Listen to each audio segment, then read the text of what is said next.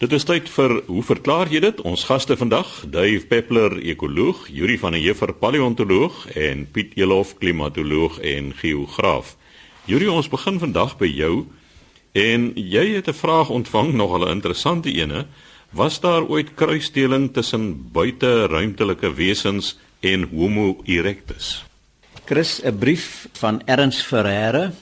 Hy is van Kokanje in Limpopo provinsie en hy sê hy hoop jou program sal nog baie jare voortduur en hy dink dat dit 'n uitstekende diens lewer. Hy's 'n baie leergierige leek en hy wil graag die volgende vraag vra. Hy beëindig sy brief deur te sê hy sien uit na die antwoord want dit is belangrik vir die uitbouing van sy karige kennis. Nou ek uh, stem nie mee saam nie Ernst Ferreira as iemand so nederig is en sê hy het karige kennis dan is dit gewoonlik iemand wat uh wydlopende kennis oor 'n onderwerp het. Nou hy verwys in die brief na die boek The 12th Planet wat deur Zakaria Sitchin geskryf is en wanneer dit nou al gepubliseer is in 1976 en hy wil iets weet oor hierdie boek. Hy sê wat is die wetenskaplike statuur van die skrywer? Is hy geloofwaardig? En wat is die algemene vakkundige kommentaar oor die sogenaamde argeologiese kontinuïteit uh, wat dan nou gaping sou inwees waarvan die skrywer skryf. Nou wat hy eintlik doen is op 'n spesifieke bladsy is om te sê dat Homo sapiens het skielik verskyn in die paleontologiese suksesie sonder bewys van geleidelike evolusie vanaf Homo erectus.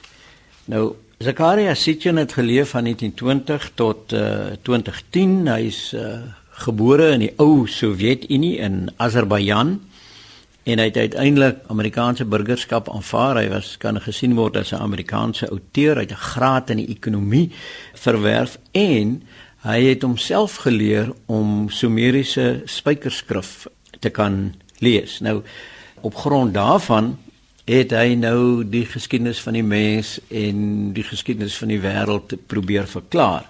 Nou ek wil net hier sê dat hy nie alleen was in hierdie aktiwiteit van hom nie want daar is ander redelik bekende mense wat ook hierdie soort van pad gevolg het en ter agtergrond wil ek net twee noem Erich von Däniken en uh, die Velikovsky Nou uh, von Deniken is 'n Switser, ek dink hy's in 1935 gebore en hy's baie bekend vir 'n klomp prulboeke wat hy geskryf het, gewoonlik te doen met gode soos Chariot of the Gods, Evidence of the Gods, Signs of the Gods. En uh, sy uh, basiese argument was dat die menslike geskiedenis is beïnvloed deur buiteruimtelike wesens wat na die aarde toe gekom het en dan nou getrou het, gemeenskap gehad het met aardbewoners. En dit is nou waar die besondere kennis vandaan gekom het om die piramides te bou, die uh, klipsuile by Stonehenge op te rig, die beelde op die Paaseilande. So hulle het dus hierdie hoër tegnologie vir ons gebring en die menslike geskiedenis so inspuiting gegee. Nou ja, dit kortweg gesê dis alles twak want uh, mense kan met Sakie Cornelius gaan gesels ons uh, mak Egiptoloog hier op Stellenbosch en daar's 'n hele geskiedenis van hoe die piramides ontwikkel het. Daar's 'n evolusie van piramides van meer primitiewe trap piramides tot die bekende moderne piramides. Daar's uitgewys dat van Deniken se fotos gedokter is die toerusting, die gereedskap is gekry waarmee die piramides gebou is. Daar is die woonplekke van die arbeiders, selfs die graffiti wat hulle op die mure uitgekrap het, is gekry. So Erich von Däniken is totaal gediskrediteer wat sy idees betref. Nou Immanuel Velikovsky 1895 tot 1979 was 'n Russiese Jood gewees, gekwalifiseer as 'n sielkundige of psigoanalis. En eh, sy een beroemde boek was Worlds in Collision van 1950. Nou, sy idee was dat die buiteruimtelike gebeure wat die aarde ondergaan het, daar was botsings gewees met ander hemelliggame, maar hy het gedink dit het gebeur in mense jeugene. So hy het probeer om byvoorbeeld die 10 plaae van Egipte te verklaar op grond van uh, die bewegings van Venus en Mars en uh, die goed. Nou ja, Sedert sy tyd, sedert 1950 was daar baie sterrekundige navorsing, daar's baie verfynde instrumente en die argumente wat hy gevoer het, het met die tyd, dit het nie die toets van die tyd deurstaan nie, want dit is agterna duidelik uitgewys dat hy nie sy argumente begrond het op enige werklike argumente wat 'n mens kan glo nie. Nou Zakaria Sitchin ook 'n persoon wat gedink daarin buiteruimtelike gebeure, menslike geskiedenis beïnvloed. Hy het gedink daar was verskillende botsings tussen hemelliggame wat dan die aarde tot gevolg gehad het en dan het hy nou ook buiteruimtelike wesens hier kom goud soek. Dis die groot storie geweest dat hulle agter die goud aangewees het en hulle het slawe nodig gehad so deur gemeenskap te hê met die aardbewoners. In die geval nou homo erectus is homo sapiens nou uiteindelik geskep deur die besoekers van die ruimte. En so het ons op die toneel gekom. Nou die kritiek teen hom is veelvuldig want hy het die sumeriese spykerskrif bemeester maar nie so goed soos hy gedink het nie. So sy vertaling en sy interpretasie van die antieke tekste is verdag want toe hy geskryf het kon eintlik net kenners die Sumeriese skrif lees. Deesdae is dit baie fyner bekend, daar selfs 'n leksikon van Sumeriese skrif beskikbaar en wat nou met analise uitgekom het is dat Sitchin het net gebruik wat hom gepas het. Dat sy iets gesien het wat sy vooraf oortuigings gepas het, dan het hy dit gebruik. Sy sterrekunde is ook heeltemal verkeerd want die sterrekunde het met rasseskrede vooruitgegaan. Baie presiese metings kan vandag gedoen word. So Sitchin se sterrekunde was nie reg nie en natuurlik sy genetika, soos hy dit verstaan het, was ook verkeerd geweest want uh, nou dat die menslike genoom volledig bepaal is, kan 'n mens duidelik sien dat daar nie hierdie soort geweldige verandering in die menslike genetika gewees het nie. Die kritisie noemde dat hy die Babiloniese literatuur en die mites baie selektief aanhaal. Hy gebruik net wat hom pas en dan is sy vertalings ook in baie gevalle verkeerd. Nou die probleem met al hierdie goed is dat as 'n mens nou kyk na wat van Deniken ook gebruik het op die Nazca vlakte in Peru, is daar daai geweldige groot tekens figure uitgewerk en die volgens hulle is doodgewone landingsstroke. Nou as 'n mens nou daaraan dink dat jy nou 'n buiteruimtelike beskawing het wat van sterrestelsel na sterrestelsel kan beweeg met hulle tegnologie. En dan wanneer hulle by die aarde aankom, dan gebruik hulle doodgewoon nog mikrofone en hulle het uh, landingstuie, vliegtuie of wat ook al wat nog lang aanloopbane nodig het, baie soos die vliegtuie van die Tweede Wêreldoorlog dan val die ding nou deur die mat. Dit is doodgewoon stories wat nie ondersteun kan word nie. En die ene aardige aspek van al hierdie bespiegelings deur die verskillende mense is dat daar nog heelwat mense is wat hierdie stories vir soetkoek opvreet en natuurlik wanneer iemand nou 'n film maak dan is dit gewoonlik interessant om nou so iets in die film in te sluit en van hierdie inligting wat Sitja nou bekend gemaak het is onder andere gebruik in 'n video The Conduit en 'n uh, onlangse fliek wat hier op ons televisie ook gewees het Cowboys and Aliens. En dis 'n vermenging van buiteruimtelike wesens en die oudtydse cowboys wat in 'n geveg betrokke is in die woestyn en die buiteruimtelike wesens natuurlik kom land hier op aarde want hulle soek goud. So dit lyk vir my hierdie soort aksie en die goudmotief agter dit alles is iets wat mense nou nog maar altyd sal aantrek. Maar ek dink 'n mens kan met redelike sekerheid sê dit is net hersenskimme. So sê Yuri van der Heever, ons paleontoloog, en Dave betuivoels stap, bety spring of wip of hop of wat jy dit ook al wil noem. Hoekom so? Chris Ja, ek dink ons het hierdie vraag al by 'n vorige geleentheid effens oppervlakkig behandel, maar kom ons uh, pak nou die voël uit die kas uit. En Yuri, jy sal met help hier, want ek is nou nie so kundig soos jy nie. Voëls is natuurlik van die superklas Tetrapoda en hulle is na verwant aan krokodille. Hulle is eintlik lewende skakels met die dinosourus. Uh, 100 miljoen jaar in daai orde oud, ek weet nie. Maar in elk geval, hulle is hoogs gevorderde dinosourus. Hulle het vere. Ons kry elke dag bykans nou uit China nuwe getuienis van geveerde fossiele wat gevind word. By die dag, ek kan nie glo dat hulle nog skakels kry nie. Wat my eintlik ook bring by die daar is nie meer sogenaamde missing links nie. Ons kry net getuienis wat die argument en die getuienis vir evolusie versterk by die dag. Hulle het 'n snavel sonder tande.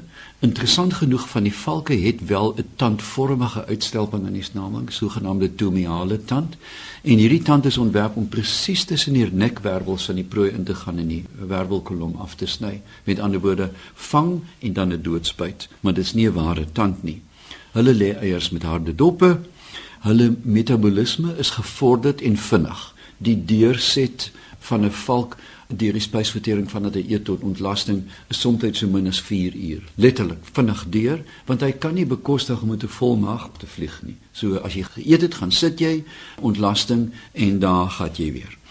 Hulle 'n vierkamer hart wat baie interessant is dat die skelet is hoog aangepas is liggewig. Daar's liggate en ligholtes in die skelet, maar ook as gevolg van hierdie die argitektuur van die skelet is dit baie sterk per gewig. Jy weet die humerus van 'n duif is 'n fenominale sterk geboude beentjie.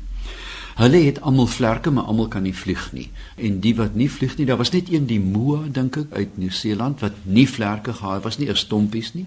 Vestigiaal dalk aan die skelet, maar dan is daar hier die pikkewyne kan nie vlieg nie en dan is daar 'n triestige absoluut triestige papegaai in Nieu-Seeland met die naam van die kakapo.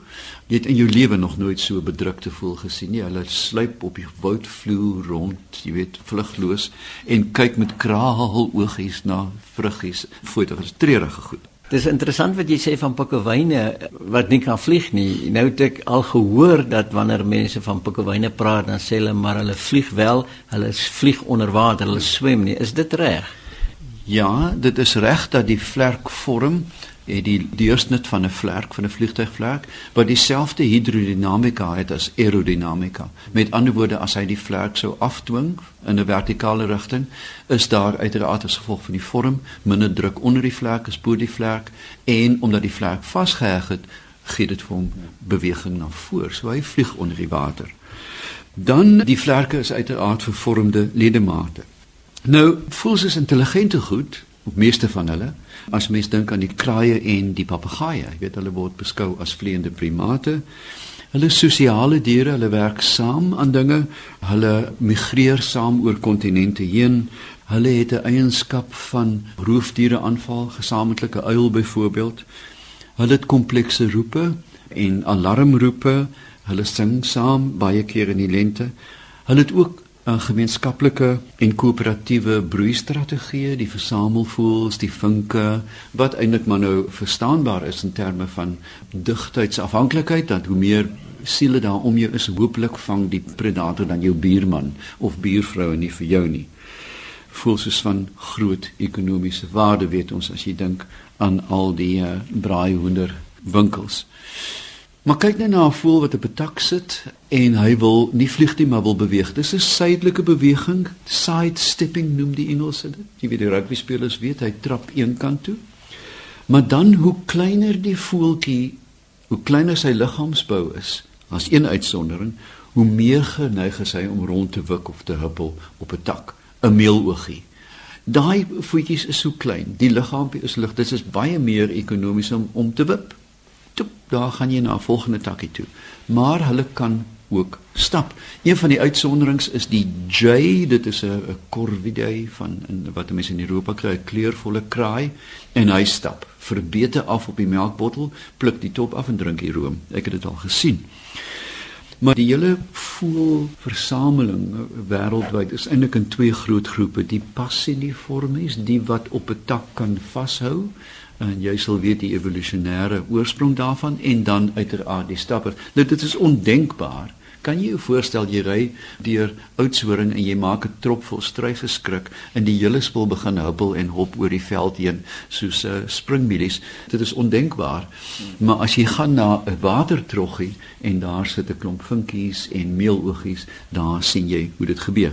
Die algemene reël is dan hoe kleiner die diertjie is, hoe meer geneig is hy om te kan hop, wip of huppel. Nog 'n ding wat 'n mens sal moet duidelik kan sien, dat indien 'n wipper, 'n huppelvoeltjie of 'n hopper haastig is, sal hy liewer stap, want hy kan vinniger verbeter op 'n ding afstap as op rond te spring tussen die takke. So, 'n haastige hopper stap. Uh, dis baie interessant om dit te sien. Dis regtig waar. Maar dan is daar ook 'n 'n groep voels wat hulle ledemate of hulle pote dan byna verloor het. Ek was in IJsland onlangs en daar is 'n skua wat teen kraanse woon langs die see of nes maak. So fyn is die nis dat indien hulle op die land sou land, lê hulle op die pens en krap met sulke papvoetjies byna soos die grasakkedisse. Dis vestigiale voetjies. Hulle kan nie op hulle sit nie, hulle kan nie daarmee swem nie.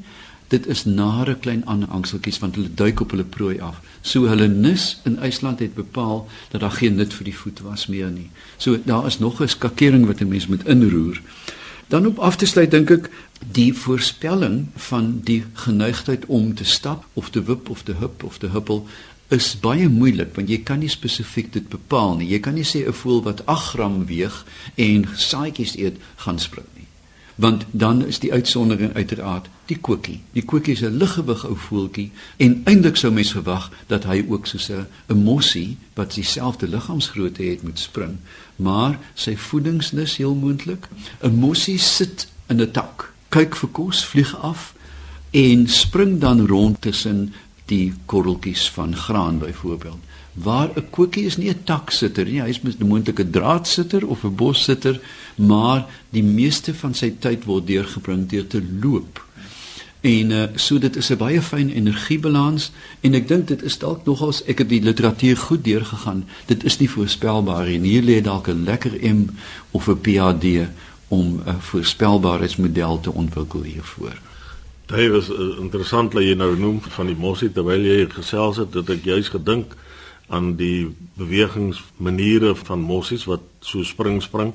En dis nie net die Suid-Afrikaanse inheemse mossie maar ook die mossies wat uit uh, amper sê ek Brittanje hiernatoe ingesmokkel of ingevoer is. Maar iets wat my nog altyd fascineer is die witgatspreeu wat loop en die rooi vlerkspreeu wat dikwels, ek sê nie net dit doen nie, maar dikwels wat hy so 'n spring of 'n hopbeweging uitvoer. Dit is 'n baie baie interessante opmerking. Ja, ek dink as mens kyk na die witgatsproe, jy kry hulle hierso van tussen Woester en Robertson, hulle is droë landspesies, né? Karoo is hy volop saam en nou en dan is daar lelspreeu ingemeng waar die rooi vlerk eintlik 'n woudspesies is. Hy is 'n spesies van die ruigte en van die berge. Hy is nooit op die oop vlaktes nie. En dan dalk lê die voedingsnis bepaal hoe hulle beweeg. 'n Oop vlakte waar jy ver moet soek in vergelyking met 'n voël wat gewoonlik in bome en uit bome voed. Dave, ek wil net beamoen wat jy nou daar gesê het van die rooi vlerkspreeu, hoofsaaklik berge en woude, want ek weet nou op my vensterbank, my kantoorvenster in Seepunt, sien ek gereeld rooi vlerkspreeus, maar ry nou Blouberg toe jy sal nie 'n rooi vlerkspreeu daar kry nie. Einste. Ja, dit was aan Dave Peppler, ons ekoloog. Laaste aan die woord, Piet Jelof, klimatoloog en geograaf. Piet, verlede week het jy gesels oor die redes wat aanleiding gee tot die ontstaan van dorpe op sekere plekke en vandag gesels jy oor sentrale plek dorpe. Chris, ek wil net voortborduur op 'n brief wat uh, Wim de Klerk uit Bloemfontein uit vir ons geskryf het en uh, hy sê hulle reis redelik gereeld deur die land en die Karoo is een van die plekke wat hulle dikwels deur reis. Nou hy sê hulle het begin wonder hoekom die dorpe ontstaan het waar hulle wel ontstaan het. In 'n vorige program het ons gesels oor die tipe dorpe, maar die ene wat ek nou vanoggend 'n bietjie oor wil gesels is sentrale plek dorpe. Nou in die sentraal en westelike Karoo waardeur jy dikwels reis, as ek nou julle reg verstaan, is die meeste van die dorpe sentrale plek dorpe. Nou die vraag is gewoon, wat is 'n sentrale plek dorp? Hulle verrig 'n sentrale plek funksie. Hulle staan in diens van die platlandse boerderygemeenskap met hulle behoeftes en die sentrale plek van gewoonlik aanbidding, miskien ontspanning, ook opvoeding bemarking en die aankoop van voedsel en klere byvoorbeeld. Nou as ek praat van 'n sentrale plek van aanbidding, dan sal die luisteraars weet hoeveel van hierdie Karoo dorpies is een van die prominentste beelde wat jy daar sien is die kerk. Die groot kerk met die hoë torings ry jy deur Graafrenet byvoorbeeld in die middel van die hoofstraat reg bo sit 'n groot kerkgebou. So as 'n mens nou terugdink 'n bietjie in die verlede hoe die mense in die platteland gewoon het en dan sê nou maar eenmal in 2 of 3 maande bymekaar gekom het vir nagmaal en dan tyd spandeer het in die dorpe en daar was natuurlik entrepreneurs wat die geleentheid gesien het om ook handel te dryf wanneer die mense met hulle waans in perdekarre vir 'n paar weke daar of 2 3 weke daar by mekaar getrek het. Nou dikwels het daar ook natuurlik hierdie plekke ontstaan rondom uh, sendingstasies of selfs uh, besproeiingsskemas het hierdie dorpe dan ontstaan. En soos ek sê, hulle voorsien in die behoeftes van die plaasgemeenskappe. Die vraag is, hoekom is sommige dorpe ooglopend tussen aanhalingstekens gesond en ander is siek of ontwikkel glad nie verder nie en is eintlik aan die agteruitgang. Nou watter faktore beïnvloed die groei van hierdie dorpe? En hier wil ek eers sê as die dorp se ontstaansfunksie uitgedien is, sterf hy. Daar is geen twyfel daaraan nie. Werkgeleenthede speel natuurlik 'n belangrike rol en dis hoekom ons ook in 'n vorige program melding gemaak het van spook myndorpe hulle ontstaansfunksie het eenvoudig verdwyn en daarom is hulle agteruit gegaan. Dorpe natuurlik met 'n goeie ligging en entrepreneurs, die lok dikwels toeriste en reisigers. En hier kan ek die voorbeeld noem van 'n klein Karoo dorpie met die naam van Willowmore. In die omgewing is die Baviaanskloof en baie toeriste is op pad om deur daardie Baviaanskloof te reis en entrepreneurs op Willowmore het die geleentheid gesien om gastehuise daar te ontwikkel en dat hulle dan 'n klomp van hierdie toeriste lok daar vir oornag of ander fasiliteite. So dis baie belangrik dat hierdie Karoo dorpies op hierdie manier kan voortbestaan. Baie van die dorpe in die Karoo se bevolkingssamestelling het natuurlik drasties verander. Mekanisasie het meegebring dat minder arbeid nodig is op die plase. Dikwels is daar van hierdie plase verkoop en gekonsolideer om groter eenhede te vorm wat ekonomies meer lewensvatbaar is. Wat beteken dit dat die persone wat op daai plase gewoon het, gewoon net weg is daar en waarskynlik verhuis het na groter metropolitaanse gebiede en die arbeiders wat daar was, die het dan geskuif na die dorpie self. Die probleem wat hiermee ontwikkel natuurlik is die feit dat die dorpie se bevolkingsgetal neem toe. Die aanvraag na elektrisiteit en water en rioolvoorsiening die neem toe. Maar die getal mense in die dorp al dikwels in die geval van hierdie Karoo dorpe is dat die jong mense verhuis het na groter stedelike gebiede toe waar daar meer werksgeleenthede is. Met ander woorde jou belastingbetalers korps in die dorp self, die raak minder. En die getal mense wat afhanklik is van hierdie noodsaaklike dienste, die raak meer. Die vraag is nou wie gaan betaal vir al daardie noodsaaklike dienste? En ons kan maar net kyk as jy deur die Karoo ry hoeveel nuwe as ek dit nou so mag stel ophuise word gebou. Werksgeleenthede is daar verseker nie meer nie as wat dit in die verlede was nie.